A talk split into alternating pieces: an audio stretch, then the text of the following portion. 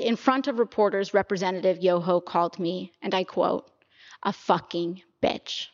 These are the words that Representative Yoho levied against a congresswoman. The congresswoman that not only represents New York's 14th congressional district, but every congresswoman and every woman in this country.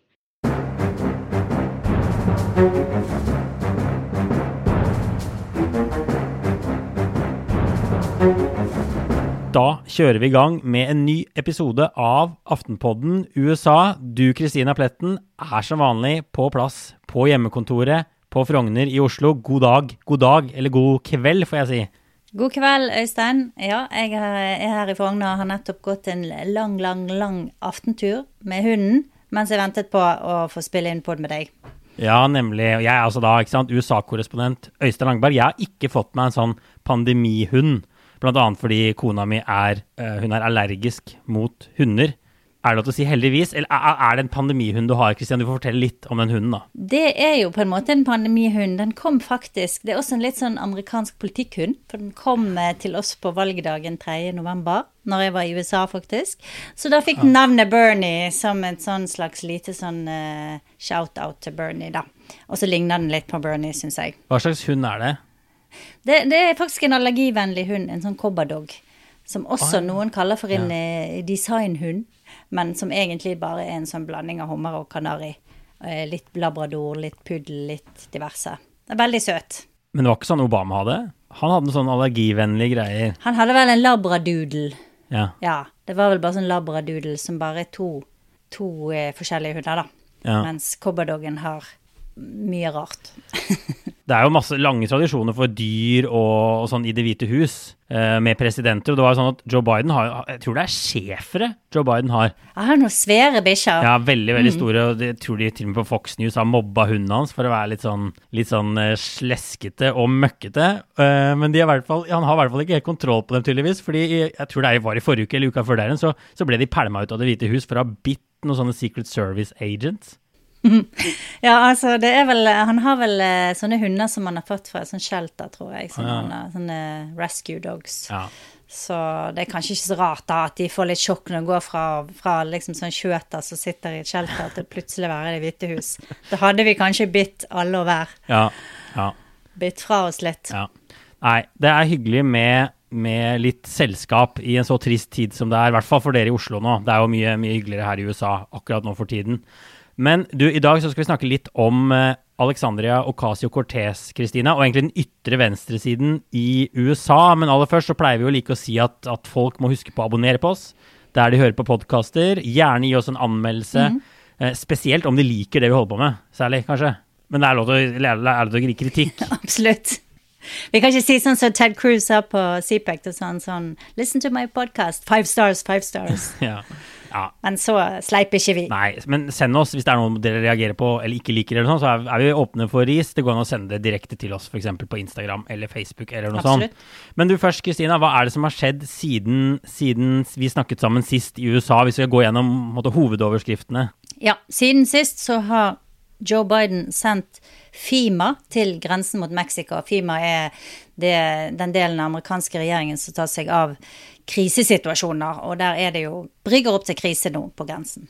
Yes, og i tillegg så er det sånn at Joe Biden har fått gjennom uh, denne redningspakken. Vi snakket om den forrige uke, det går an å høre på den episoden på nytt. På 1900 milliarder dollar. Sjekken er allerede på vei ut til folk. De får altså da 1400 dollar per person rett inn på kontoen.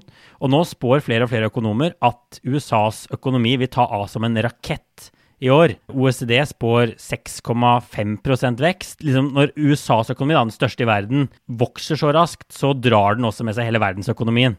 Viser disse OECD-tallene, så det er jo godt nytt for, for alle. Ja, og Goldman Sachs har jo da anslått at økonomien kan vokse med 8% som er helt vilt mye. Ja. Det, det, må jo gå gale, spør du meg som er innbarket pessimist. Bra. Og så er det sånn at Andrew Cuomo, guvernøren i min hjemstat New York. Denne skandalen rundt han den vokser og vokser og vokser. Det kommer stadig nye enkeltsaker frem, men også har amerikanske medier kasta seg rundt og laget mye sånne større gravesaker om mobbing, ukultur, seksuell trakassering rundt ham. Eh, og flere og flere ber han gå av, men foreløpig så ser det ut til at han biter seg fast. Ja, men nå er det jo mange profilerte New York-politikere, New York-demokrater, som krever at han tar sin hatt og går. Det er ikke så, så veldig overraskende at eh, ordfører Bill de Blasio eh, ber om det, for han kan ikke fordra Cuomo, og vice versa. Mer overraskende kanskje at eh, lederen i senatet, Chuck Schumer, har bedt han å gå, og ikke minst eh, Ocasio-Cortez, som vi skal snakke mer om. Ja, det var en eh, knallbra overgang, Kristina. Fordi som vi sa tidligere, så er jo dette et, et veldig interessant person i amerikansk politikk. Og også litt fremtiden til hele den bevegelsen hun representerer. Og veldig mange de kjenner jo Ocasio-Cortez fra sånne medieoverskrifter, korte klipp på nettet. Og det er noen sånne stikkord vi har på plass. ikke sant? En av de yngste kongresskvinnene i historien. Hun er et hatobjekt på høyresiden. Hun jobbet som bartender før hun ble politiker. Men hun er også uh, mye, mye mer enn det. Jeg tenkte vi kan starte med å bare snakke litt om bakgrunnen hennes. Altså, hun er født i Bronx, en svær bydel i, i New York City. Uh, og hun har mye familie i Bronx, og hun representerer også Bronx og Queen i Kongressen. Og du er jo også en gammel New Yorker, Kristina. Du har jo til og med bodd i dette distriktet hun, hun er fra, og som hun representerer. Altså, hva, hva slags sted er dette egentlig? Altså, jeg har bodd i Astoria i Queens i flere år, faktisk. Og det er jo tradisjonelt det greske området i uh, New York City. Vel verdt et uh, besøk, forresten, hvis noen uh, reiser til New York og har lyst til å oppleve noen nye steder. Queens ble ofte omtalt som New Yorks soverom. Det er liksom der alle taxisjåførene har bodd, alle som jobber i litt sånn her Ikke kanskje de mest glamorøse jobbene, da, men mm. som holder byenes tannhjul i gang. Mens The Bronx er jo en by den bydelen som kanskje har vært mest belastet. Det har vært mange veldig fattige områder der. The South Bronx. Når jeg bodde i New York på 90-tallet, var så farlig at man, ingen turde å dra dit nesten. Så har det jo blitt bedre med årene, men det er fortsatt en bydel som, som sliter. Og for alle som eh, går på quiz, så er det altså den eneste bydelen som hører til fastlandet av New Yorks fem bydeler. Ja, det er bra. Så det var et lite ekstrapoeng der. Det er bra, bra mm. quiz. Eh, de fem bydelene må man ha kontroll på hvis man skal gjøre det bra. Ja. Og, og mm. AOC, da, hun gjør veldig mye ut av dette. Hun er en jente fra Bronx. Det er jo en sånn veldig viktig del av imaget hennes. Og hun bodde der til hun var fem år, og hun har bodd der i voksen alder. Men hun har også hatt en sånn middelklasseoppvekst litt lenger upstate New York. Så hun er ikke på en måte bare en sånn arbeiderklassedame. Hun har en bachelorgrad i, fra Boston i økonomi og internasjonale relasjoner. Og jeg leste til og med at hun har en sånn asteroide mm. oppkalt etter seg. For hun er en skikkelig nerd, og hun gjorde det ganske bra på en sånn ja. Science Fair, hvor hun ble nummer to eller noe sånt i en annen kategori, og da fikk hun denne asteroiden oppkalt etter seg. Ja da, en, helt åpenbart en smart uh, jente som mm, utmerket seg på skolen ganske tidlig. Faren var arkitekt, uh, men både faren og moren har røtter i Puerto Rico mm. og er latino som vi vel også nå sier på norsk. Jeg vet aldri helt hva jeg skal kalle det, hispanic latino, men de sier stort sett latino nå, tror jeg, eh, på, ja. I USA. Og det er jo en veldig viktig del av hennes identitet, også av hennes politiske identitet. Og så ble hun jo trukket inn i politikken, tror jeg, allerede som student men ble mer og mer engasjert, eh, bl.a. gjennom Bernie Sanders sin uh, valgkampanje i 2016, og i året, altså 2015-2016, da, og, og, jobbet for han som frivillig. Hun var også intern, forresten, for Ted Kennedy. Mm. Eh, senator Ted Kennedy når hun var student. Så hun har jo på en måte tidlig blitt engasjert i politikken. Ja, så det var ikke sånn at hun var trukket sånn helt fra obscurity da hun plutselig dukket opp i 2018 og ble et sånn nasjonalt navn. Hun hadde vært involvert i politikk før, hun var en smart dame. Og det er jo heller ikke helt sånn Hun lyver ikke når hun forteller om en litt sånn tøff oppvekst og tøff bakgrunn. Det var sånn Faren døde i 2008 da måtte familiehuset tvangsselges. Og hun forklarer i hvert fall, eller for å hindre at familiehuset ble tvangsholdt, så måtte hun ta seg ned bartenderjobben. Og så drev hun med litt politikk på si og sånn, men, men, det var helt ekte. Mm. Hun jobba som bartender, bl.a. på Manhattan. Da hun fant ut at hun skulle stille som kandidat i, i 2018, som altså kongressmedlem, eh, og utfordre Joe Crowley, en av disse ja, hva skal vi si, han hadde, hadde hatt det sett i mange år. Uh, han var en av ledende demokrat i New York mm. og nasjonalt. Absolutt. Han var på en måte en sånn tungvekter i Det demokratiske partiet. Eh, sto nære til Nancy Pelosi, ble regnet som en mulig avtaker for å bli speaker. Så han var virkelig en, eh, et navn, da. Ja. Så kom egentlig AOC out of the blue og eh, danket han ut i primærvalget. Men nå skal det sies at eh, hun ble jo rekruttert inn av en organisasjon som jeg tror heter Brand New Congress, som eh, drev og så etter mer radikale kandidater som kunne utfordre sånne demokrater som de mente var litt for, eh, for vassende og for rund i kantene og for moderate, da. Så de Ja. ville ha en, en ny type politiker inn i Kongressen. Og AOC var vel kanskje et av deres mest vellykkede prosjekter. Så det var ikke bare noe hun kom på en dag, hun ble rekruttert inn etter å ha jobbet på, på, på, på kampanjen til, til Sanders. Men det er jo likevel, det var, bare, vi må, bare- det var likevel et valgsjokk uten sidestykke. Jeg tror ikke Crowley ante hva som traff dem på valgnatta der, da hun vant med sånn, sånn som 15 prosentpoeng til og med. en Ganske sånn solid seier. De aller fleste ville jo da ha gått gradene i kanskje liksom, vært representanter i delstatsforsamlingen til New York, i Albany.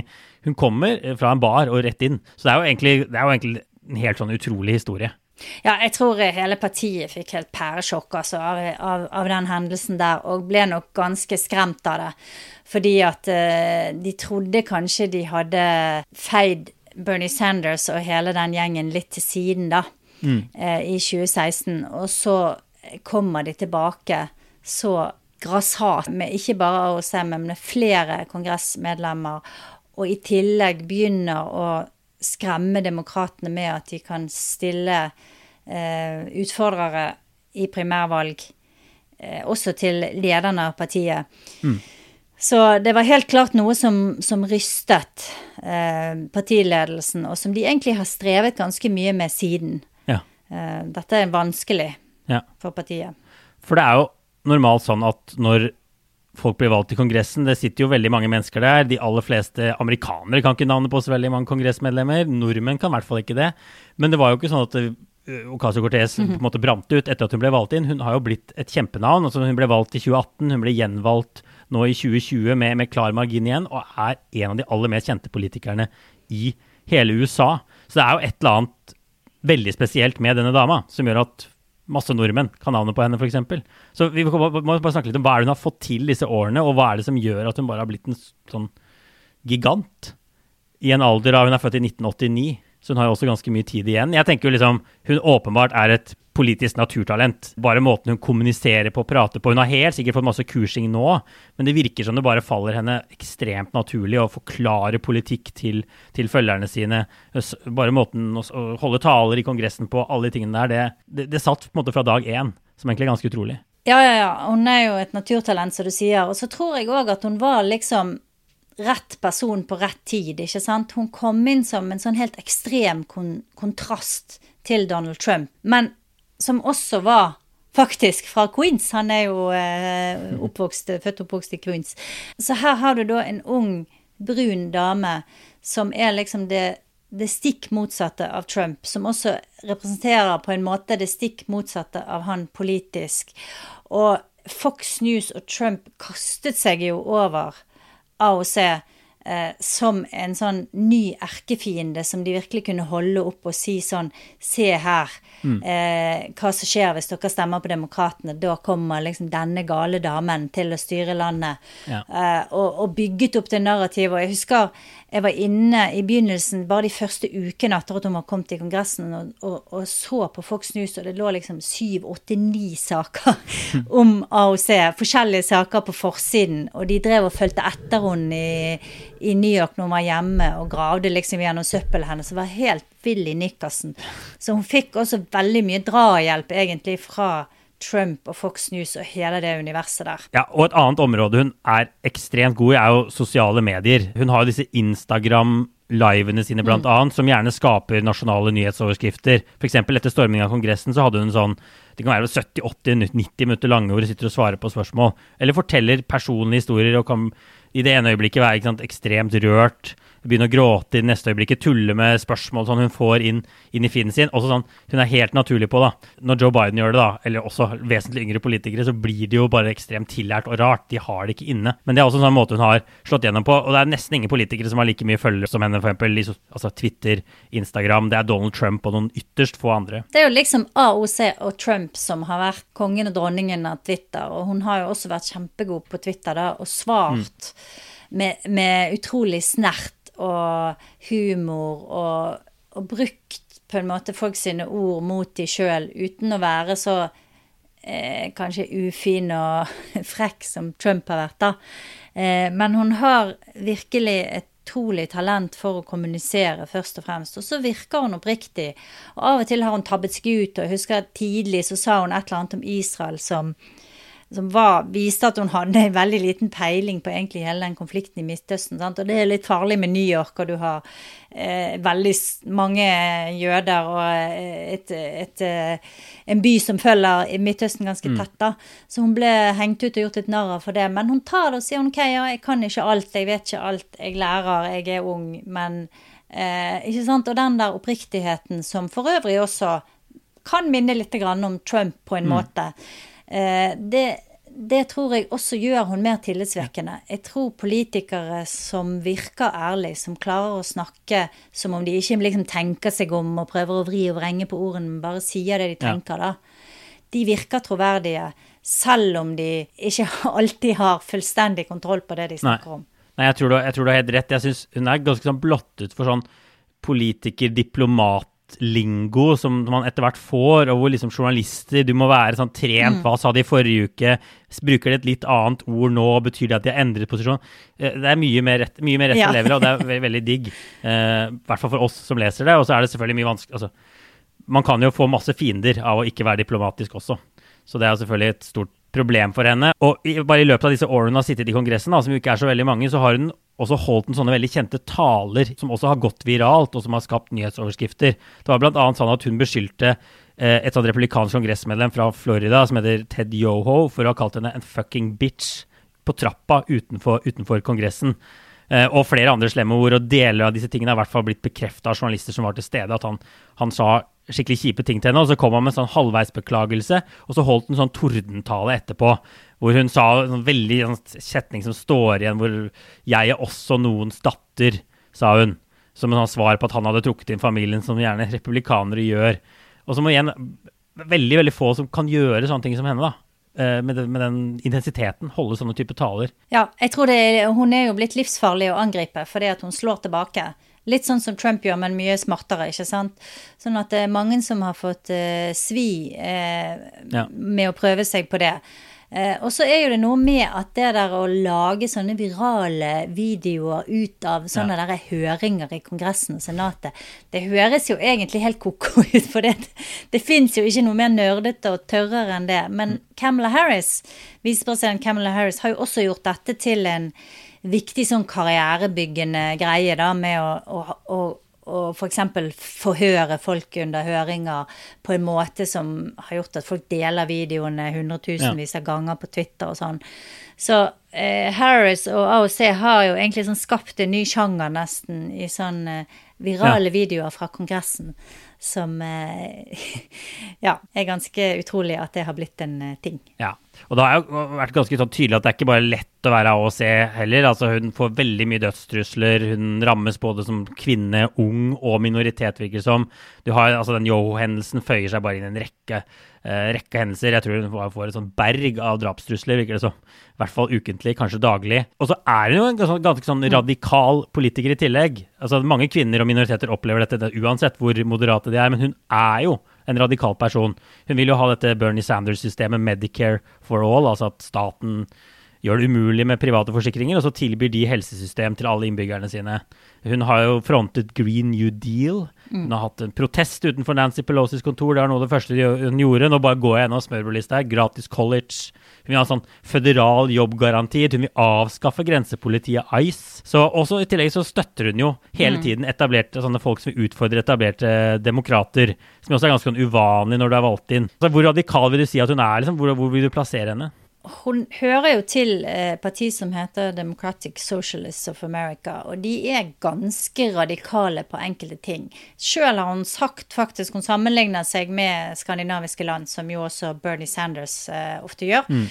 Men jeg vil jo si at den, i hvert fall en del av deres politikk, da, ligger ganske langt til venstre også i Skandinavia. Og har mindre innslag f.eks. av privat og offentlig samarbeid, sånn som er blitt veldig vanlig i Norge, Sverige, ja. Danmark og Finland. ikke sant? Eh, de vil vel ha eh, f.eks. strøm og vann og alt sånt skal være offentlig, i offentlige hender. De er opptatt av fagforeninger. Og så er det jo en del ting som er litt sånn Som jeg tenker er ting som vi har i Skandinavia, da. Som de gjerne vil ha. Som er mer mainstream, som gratis utdanning. eh, Et helsevesen som fungerer. Rett til å organisere seg i fagforeningen. Sånne ting. Så, så det er en sånn blanding av eh, mainstream skandinavisk politikk og en del ting som ligger sånn nesten hen i kanskje partiet Rødt. Ja. Eller mellom SV og Rødt, noe sånt. ja.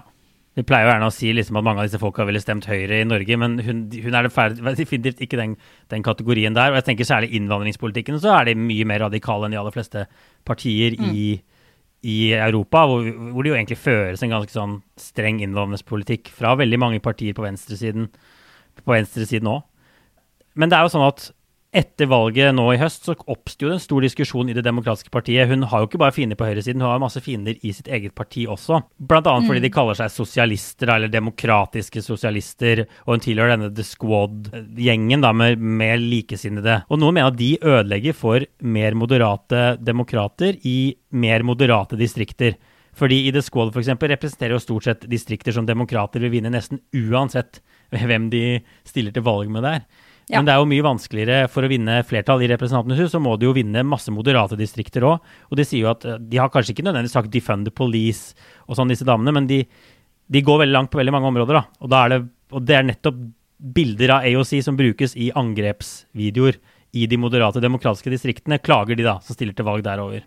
Ja, og særlig Det var jo en sånn Det lekket jo ut en sånn telefonsamtale etter valget der noen eh, moderate kongressmedlemmer tornet mot bl.a. AOC, da, og særlig dette som du trekker frem, Defund the Police, og hvorfor de går og sier at de vil eh, ta penger fra politiet hvis ikke det er det de mener. Um, og det har jo vært en, eh, en kritikk lenge mot AOC og mot mange av disse andre. At de snakker om 'abolish ICE', altså å fjerne dette her eh, Det er ikke akkurat grensepoliti, men det er de som arresterer kriminelle innvandrere og deporterer kriminelle innvandrere. En del andre funksjoner Ja. har de også. Så den retorikken er ganske ødeleggende, spesielt i disse her forstedene som vi har snakket om mange ganger, som er så viktig for demokratene å vinne. Men så er jo motargumentene fra bl.a. AOC da, er jo at veldig mange av disse tingene som, som de pusher, er, er det ganske brei enighet om at det er bra politikk. Eksempel eh, minstelønn, eksempel eh, klimaendringer. Til dels, jeg tror til og med Green New Deal etter hvert begynner å bli ganske populær da, blant demokrater. Så Mm. hennes poeng er jo, og det, det kan jo hende at det er noe i det, at partiet har for lenge drevet og smisket med disse her slitne, hvite arbeiderklassevelgerne i Ohio og Pennsylvania og Midtvesten, som egentlig egentlig ikke vil ha noe med demokratene å gjøre, da. Så hvor langt skal de liksom bøye seg for disse folkene som, som er såpass fjernt fra det partiet står for, når det er millioner på millioner av andre mennesker som, som, partiet, som stemmer på partiet, og som er mye nærmere det partiet egentlig står for. Så, og, det, og det er et ganske godt poeng, det. Altså, så det, det er ikke så lett å For meg så er det ikke så lett å se hvem som har eh, rett og galt i denne her eh, diskusjonen. Nei, det finnes jo en sånn gjeng i Det demokratiske partiet som i hvert fall mener at de må ikke fokusere noe særlig på ideologi, ikke, ikke snakke om sosialisme og sånn, men heller fokusere på populære saker. Litt sånn som Joe Biden gjør nå med den hjelpepakka. da. Det er jo egentlig ganske radikale ting, men han, han, er, han er en kjedelig, moderat mann. Mens, mens Ocasio-Cortez driver jo også til en viss grad å fyre opp under kulturkrig. En del av det er uforskyldt, men de er jo også mye mer woke, da, hvis man skal si det sånn. Ja. Og det finnes jo de som mener at det, må Det demokratiske partiet bare slutte å være, så må de bare gå for enkeltsaker og det de kan liksom vinne et flertall av velgere på. Og Jeg bare kikket litt på popularitetstall og sånn. Hun er jo ganske populær på blant aktivister og sånn i partiet, men altså, hun har en sånn altså 36% i en sånn fersk Google-måling sier at de har et fordelaktig bilde av henne. 42% har ikke det, så hun er jo amerikanere, og så er det en del som ikke vet. Så hun er jo ikke noe sånn superpopulær. Hun gjorde det litt dårligere i sitt distrikt enn Biden. Så det viser jo at det er noen moderate folk. Det er sånn ca. 4 prosentpoeng mindre seiersmargin da, enn Biden hadde i samme distrikt. Uh, mens Ilan Omar fra Minnesota gjorde det ganske mye dårligere for eksempel, enn Biden. 24 prosentpoeng. Mm. Så det er jo noen ting som tyder på at noen av disse har litt bagasje som kan være litt vanskelig å vinne over moderate velgere på. da, Men, men det er ikke noe sånn kjempelett. Og det hun jo klarer, er jo å bli en kjent person. Og når hun stiller til valg i USA, så er det jo kjempeviktig å ha name recognition, som de kaller det. Altså ha et navn folk kjenner igjen. Og hvis for eksempel da, Jeg kikker også på Ted Cruz. Han er jo vesentlig mindre populær igjen enn Ocasio-Cortez. Snakkes jo om som en republikansk presidentkandidat neste gang. Fordi han jo driver og profilerer seg nettopp på motstand mot demokratene, og da blir man upopulær. Men så blir man samtidig kjent. Så er, jeg vet liksom ikke helt. Sånn For henne som politiker så kan godt hende det er riktig ting å gjøre. altså. I hvert fall i et sånt distrikt. Så hun har jo profilert seg som en sånn anti-Trump. Hun har helt sikkert blitt mye mer kjent i USA fordi Trump var president, så de har på en måte vært en sånn symbiose, eh, mm. på godt og vondt. Men altså, hvor mye har hun til felles med altså den, Vi så jo Tea Party-bevegelsen, som kom, var forløperen til Trump, som jo utfordret og tok livet av masse moderate republikanere i primærvalg. Og så, og så kommer Trump, som jo heller ikke rakte ut en hånd til, til sentrum. Han var knallhard på høyresiden, elsket av tilhengerne sine, og klarte til og med å vinne presidentvalget på den måten. Hvor mye har de til felles, da? Altså, er, de er jo ikke helt sånn helt ulike heller. Veldig gode til å kommunisere. Vi var litt inne på det. Veldig tydelige med menings, meninger. Og så er de ekstremt kompromissløse overfor egne partifeller. De tar ikke fem mm. flate øre for å bare kritisere ting, vedtatte sannheter, i Det demokratiske partiet. Uh, hun vil fylle Høyesterett med liberale dommere hvis hun får sjansen. Hun vil fjerne sånne regler i Senatet som gjør at de ikke kan vedta ting. De er sånn, de er sånn fighters. Veldig mange av Trump-tilhengerne som møter sier de elsker at han liksom kjemper. Han gir seg ikke. Han, han river ned normer. Han, Trump gikk jo langt. Han river jo nesten villig til å rive ned mye av demokratiet også for å nå målene sine. men men altså, det, er, det er jo noen likheter her, ikke det? jo, absolutt. Det, du trakk jo frem kanskje de viktigste parallellene. Begge to har jo bygd opp et slags brand av seg mm. sjøl og blitt en sånn Han er Trump, hun er AOC. Eh, begge er fra litt sånne der eh, fighter-typer fra New York. Begge er supergode til å bruke sosiale medier. Og begge har plassert seg ganske langt ute i kanten av det politiske spekteret. Og fanger jo tidsånden. Mm. Fanger den politiske tidsånden som er eh, mye mer polarisert. Der, eh, og, og, som får mye hjelp av algoritmene ikke sant, på sosiale medier. Eh, med, måten de, eh, med måten de driver frem informasjon, måten de svarer på, måten de kommuniserer på. Så jeg tenker hun har ganske mange paralleller med Trump, og så er det veldig mange ting også som er veldig forskjellig. Ja, Det er det ingen tvil om. Men eh, spørsmålet er jo om hun kan nå like langt som Trump gjorde. da, Altså hva som skjer med AOC nå. Hun er litt sånn unnvikende i intervjuer. Hun snakka med New York Times før jul. Da sa hun hun like gjerne kunne kjøpe seg en gård på landet som å fortsette i politikken. Men, eh, men, mediene er jo fulle av spekulasjoner om senat, guvernør, president. Vi får gå gjennom disse. da. La oss starte med, med Senatet. Det er jo sett på som litt mer høyverdig enn å være i Representantenes hus. Der er det jo for to år av gangen, du er på valg hele tiden. Senatorer sitter jo i seks år, de representerer da antageligvis da hele New York State. Vil det jo være da at hun stiller for New York State. Hvor, hvor gode er sjansene hennes der? Det er jo allerede to senatorer fra New York, for å si det sånn. Mm. Det er jo Chuck Schumer eh, som er den eh, mest nærliggende å tro at hun kan finne på å utfordre da. Han skal til gjenvalg igjen eh, i 2022. Mm. Han er jo i dag demokratenes mest mektigste mann i Senatet. Og han har jo allerede prøvd å liksom avskjære henne litt med å, å, flytte seg noen hakk til venstre og sånn, da. Eh, men han er nok ganske bekymret for en utfordring fra Ocasio-Cortez. Og jeg ser ikke det som helt usannsynlig at hun vil prøve på det. Jeg tror eh, Politico hadde en sak nylig der, eh, der det sto at eh, hun avventer litt og ser hvor mye han får gjort, og hvor mye han Eh, er villig til å um, følge opp de sakene som er viktige for henne, ja. da. Men jeg tenker at det er jo det naturlige neste steget for henne er jo å gå etter et senatssete. Og en senator fra New York har utrolig mye makt. De representerer Wall Street, de representerer eh, USAs eh, eh, mektigste by. Så det er, det er virkelig en, en, posisjon der hun kan få utrettet ganske mye og, og virkelig virkelig begynne å påvirke amerikansk politikk. Hun har jo sagt at hun ser på det som sin jobb å pushe det demokratiske partiet så langt hun kan eh, inn i fremtiden, som hun sier. Altså mm. til å se en, eh, en, eh, en videre himmel, og er veldig opptatt av bl.a. klimaendringer. ikke sant? Så jeg, jeg tenker at det ikke usannsynlig at hun vil gjøre det, og det er nok mange, mange som allerede er på henne og uh, presser henne til å ta det steget. Og så er ja. det jo også en jobb ledig sannsynligvis i Albany snart. Ja, Vi får se, da. for Vi snakket jo om Andrew Cuomo, New York-guvernør. Vi snakka om tidligere i episoden. Vi snakket om han eh, i forrige episode også, som jo er i ekstremt hardt vær. Og han har sittet i tre perioder nå. Og han, hvis han da biter seg fast nå og holder ut i 2022 og stiller igjen, så kan han jo være også et ganske sånn enkelt bytte for en som forsøker å utfordre han i, i primærvalget. Eh, altså, jeg vet ikke, jeg, jeg, Det er lettere for meg da, å se for meg AOC som senator enn som guvernør i New York. Det er jo på mange måter også en veldig utsatt jobb. Ja, jeg tror det er en drittjobb. Det er, og Albany, altså hovedstaden i New York, det tror jeg er utrolig mye intriger og veldig mye Du må liksom vase gjennom mye dritt, tror jeg, for å gjøre den mm. jobben bra, da. Eh, så det er nok mer sannsynlig at hun utfordrer Schumer i 2022. Og så fyller hun jo da 35 år 13.10.2024. Som betyr i praksis at hun kan stille som presidentkandidat i 2024 hvis hun vil det.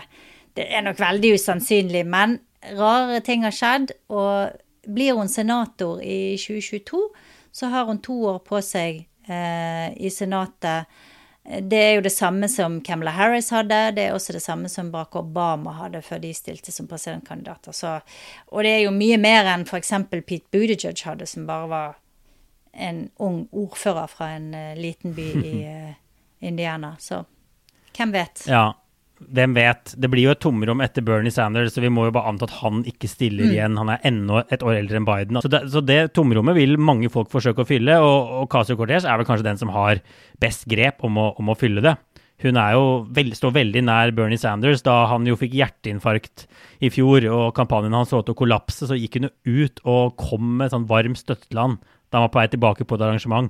Og som i hvert fall antageligvis bidro til at det ble Bernie og ikke Elizabeth Warren som ble venstresidens eh, måte store helt inn i det valget, da. Så, så, så jeg tror det, ja. Det er ikke usannsynlig, men ja, spørsmålet er om 2024 er for raskt også, da. Det kan hende. Men jeg tenker jo òg det kommer jo ved, hver, ved, hver, eh, ved, hvert valg nå så kommer det store mengder unge velgere mm. som er ekstremt engasjerte og vil stemme, tror jeg, i mye større antall enn det unge velgere har gjort før. Alle disse Greta Thunberg-velgerne de vil jo være 18 år eh, i 2024. Så det kan hende at det vil se ganske annerledes ut da. Det er flere eh, brune velgere. Det er masse flere unge latinovelgere. Mm. Så jeg tenker det er ikke sånn helt usannsynlig at, eh, at det, det kan skje. Nei, vi får gå videre etter hvert, men jeg bare tenkte til å si til slutt også hva har hun oppnådd? Og det var interessant det du nevnte, f.eks. Schumer. Altså, han, de, de, har jo klart å flytte dette partiet til venstre. De har kanskje ikke sånn fram til nå så store gjennomslag fordi republikanerne har styrt og Trump har vært president og sånn, men de har flyttet partiet på masse viktige saker til venstre, og de føler at de på en måte må dekke venstreflankene sine. Uh, og det er liksom nevnt at Schumer er mye mer åpen for å fjerne denne filibuster-regelen, slette studiegjeld. Han stemte ned denne handelsavtalen til Trump. Så de har jo helt åpenbart fått til ting allerede. De, de, utretter ting, selv om hun kanskje ikke da blir president. Kanskje hun er for kontroversiell til slutt for å gjøre det. Så, så er det ingen tvil om at de bare de endrer det amerikanske samfunnet. Hjelpepakken er kanskje større enn den ville vært uten denne, denne pushet fra venstresiden. Ja, det tror jeg. Og jeg tenker jo, hvis hun tenker litt mer langsiktig, da, så kan det nok hende at det at hun var så tidlig ute og var en av hovedsponsorene bak Green New Deal, la oss si ikke i 2024, men, men om 10-15-20 år, da, så er hun jo fortsatt bare eh, Så hun fortsatt eh, holdt jeg på å si 30 år yngre enn det Joe ja. Biden er nå. Hvis hun da eh, tenker at hun har sittet i Kongressen i, i noen vært senator et par runder og sånn, da kan det jo hende at dette her ikke ser kontroversielt ut i det hele tatt, og at det faktisk er en veldig sånn sterk måte å bygge en profil på som eh, vil gjøre hun til en kjempesterk kandidat i eh, en eller annen gang i fremtiden. Here's a cool fact a crocodile can't stick out its tongue. Another cool fact you can get short term health insurance for a month or just under a year in some states. United Healthcare short term insurance plans are designed for people who are between jobs, coming off their parents' plan, or turning a side hustle into a full time gig. Underwritten by Golden Rule Insurance Company, they offer flexible, budget friendly coverage with access to a nationwide network of doctors and hospitals. Get more cool facts about United Healthcare short term plans at uh1.com. Say hello to a new era of mental health care. Cerebral is here to help you achieve your mental wellness goals with professional therapy and medication management support. 100% online. You'll experience the all new Cerebral Way, an innovative approach to mental wellness designed around you. You'll get a personalized treatment plan from a therapist, prescriber, or both in a safe and judgment free space. Your cerebral therapist or prescriber will outline a customized plan with clear milestones along the way so you can get to feeling your best. With Cerebral, you're not alone in your mental health journey. We're here to empower you to live a fulfilling life. So take that first step towards a brighter future and sign up today at cerebral.com slash podcast and use code ACAST to get 15% off your first month. Offer only valid on monthly plans. Other exclusions may apply. Offer ends July 31st, 2024. See site for details. Bra. Det var egentlig en ganske fin overgang til min obligatoriske refleksjon, så da, da benytter jeg friheten av å gå først i dag.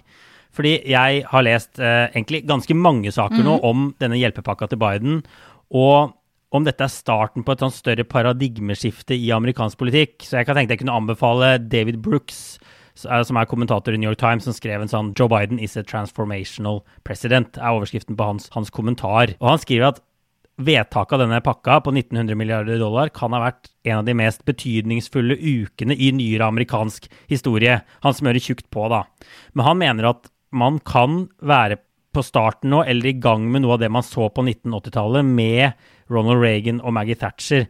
Da handlet det jo om deregulering, skattekutt, slippe markedskreftene fri, velferdsstaten måtte slankes. Eh, og dette varte jo langt inn på 90-tallet. ikke sant? Bill Clinton sa 'the era of big government is over'. Det ville du aldri hørt Joe Biden si, si i dag. Og det er ikke sikkert at det er sånn at det er Joe Biden som har utløst denne bølgen. Det sier Brooks også. Han surfer kanskje på noe som egentlig startet under Trump, til og med. Altså Trump kom jo også med disse, disse sjekkene til folk. Han var jo en republikaner, men han snakket om å ta industrien tilbake fra Kina, hjelpe folk mye mer. Han også hadde en mye mer sånn intervensjonistisk stat enn den liksom klassiske republikanske ideologien. Og så så vi at staten tok en kjempeaktiv rolle i vaksineutvikling under Trump, som har fortsatt under Biden, eh, og som jo fungerer nå kjempegodt her i USA. Så jeg tror liksom noen kan hende Brooks tar litt for mye Møllerstrand når han sier at dette er starten på noe helt nytt og stort, men det blir interessant å se da i hvilken grad dette blir videreført. Denne hjelpepakka er jo en kjemperevolusjon på mange områder. Og spørsmålet er om de da vil fortsette å, fortsette å holde økningene i barnetrygden og alle disse tingene de nå gjør, eller om de går tilbake til litt mer sånn gamle tralten. Ja, jeg tror eh, det er et kjempegodt poeng, og eh, jeg skrev faktisk en kommentar om dette rett før eller etter Trump gikk av, om at en av de tingene jeg tror han har gjort, er at han har på en måte tatt livet av den der republikanske ideen om at absolutt alt skal privatiseres, at staten skal skjæres så langt ned til beinet.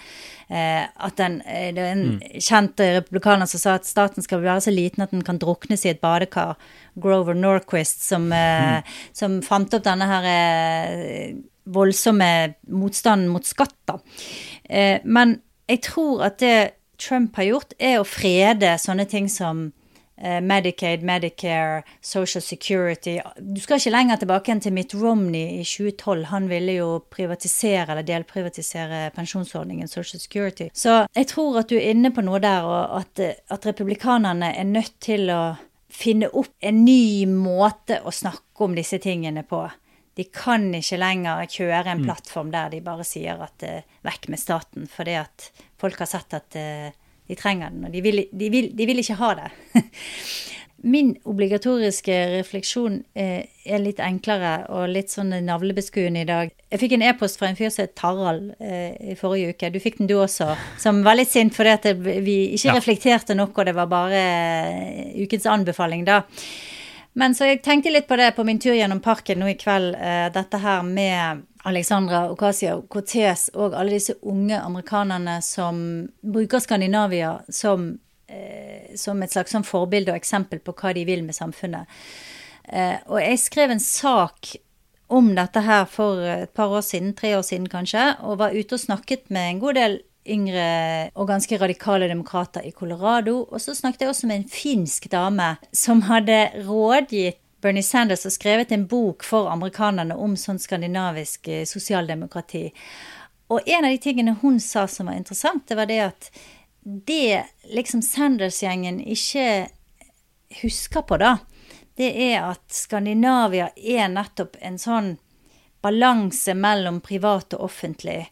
Og det vårt system gjør, er jo egentlig å gjøre folk i stand til å tjene penger eller ta en utdannelse, fordi at de tar vekk den der angsten med om du klarer å betale for, eh, for helsestellet ditt eller for, for, skolen din, ikke sant. Så det gir mm. alle en lik sjanse ut fra start. Og eh, hun sa at hun trodde ikke det at verken Sanders-gjengen eller, eh, eller, amerikanere flest helt forsto hva den skandinaviske modellen gikk ut på. Det, det syns jeg var ganske interessant, og det, det tenker jeg fortsatt er tilfellet, da. At når du ser på det f.eks. Alexandria eh, Ocasio-Cortez snakker om, så er det litt sånn vanskelig å se, se for seg at det kan gjennomføres.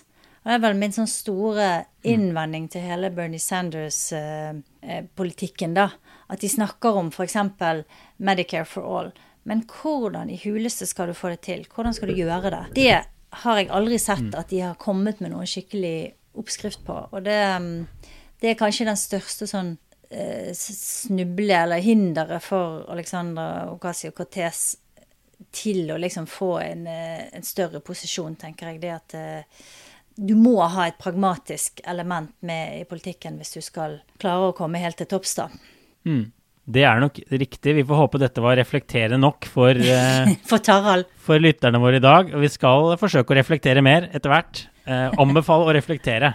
Så dette var egentlig bare en refleksjon i dag, ingen anbefaling? Ja, kanskje en anbefaling av min egen sak fra for tre år siden, da. Jeg kan jo legge ah, ja. kan, Er det lov? Det var litt jo, jo, teit, men, men uh, det var egentlig ganske interessant å snakke med de folkene. Og der også, har jeg også intervjuet han som var med på å rekruttere AOC inn til Demokratene, også med i den saken. Jeg kan ta og legge den ut, og så kan vi jo ta vekk betalingsmuren yes. for a change, siden den er så gammel. Og så kan uh, noen kanskje ha lyst til å lese den. Det var fi, et fint tilbud til, eh, til, lytterne på slutten. Jeg tror vi får sette strek nå, og så er vi tilbake i neste uke. Og så får alle bare ha det bra.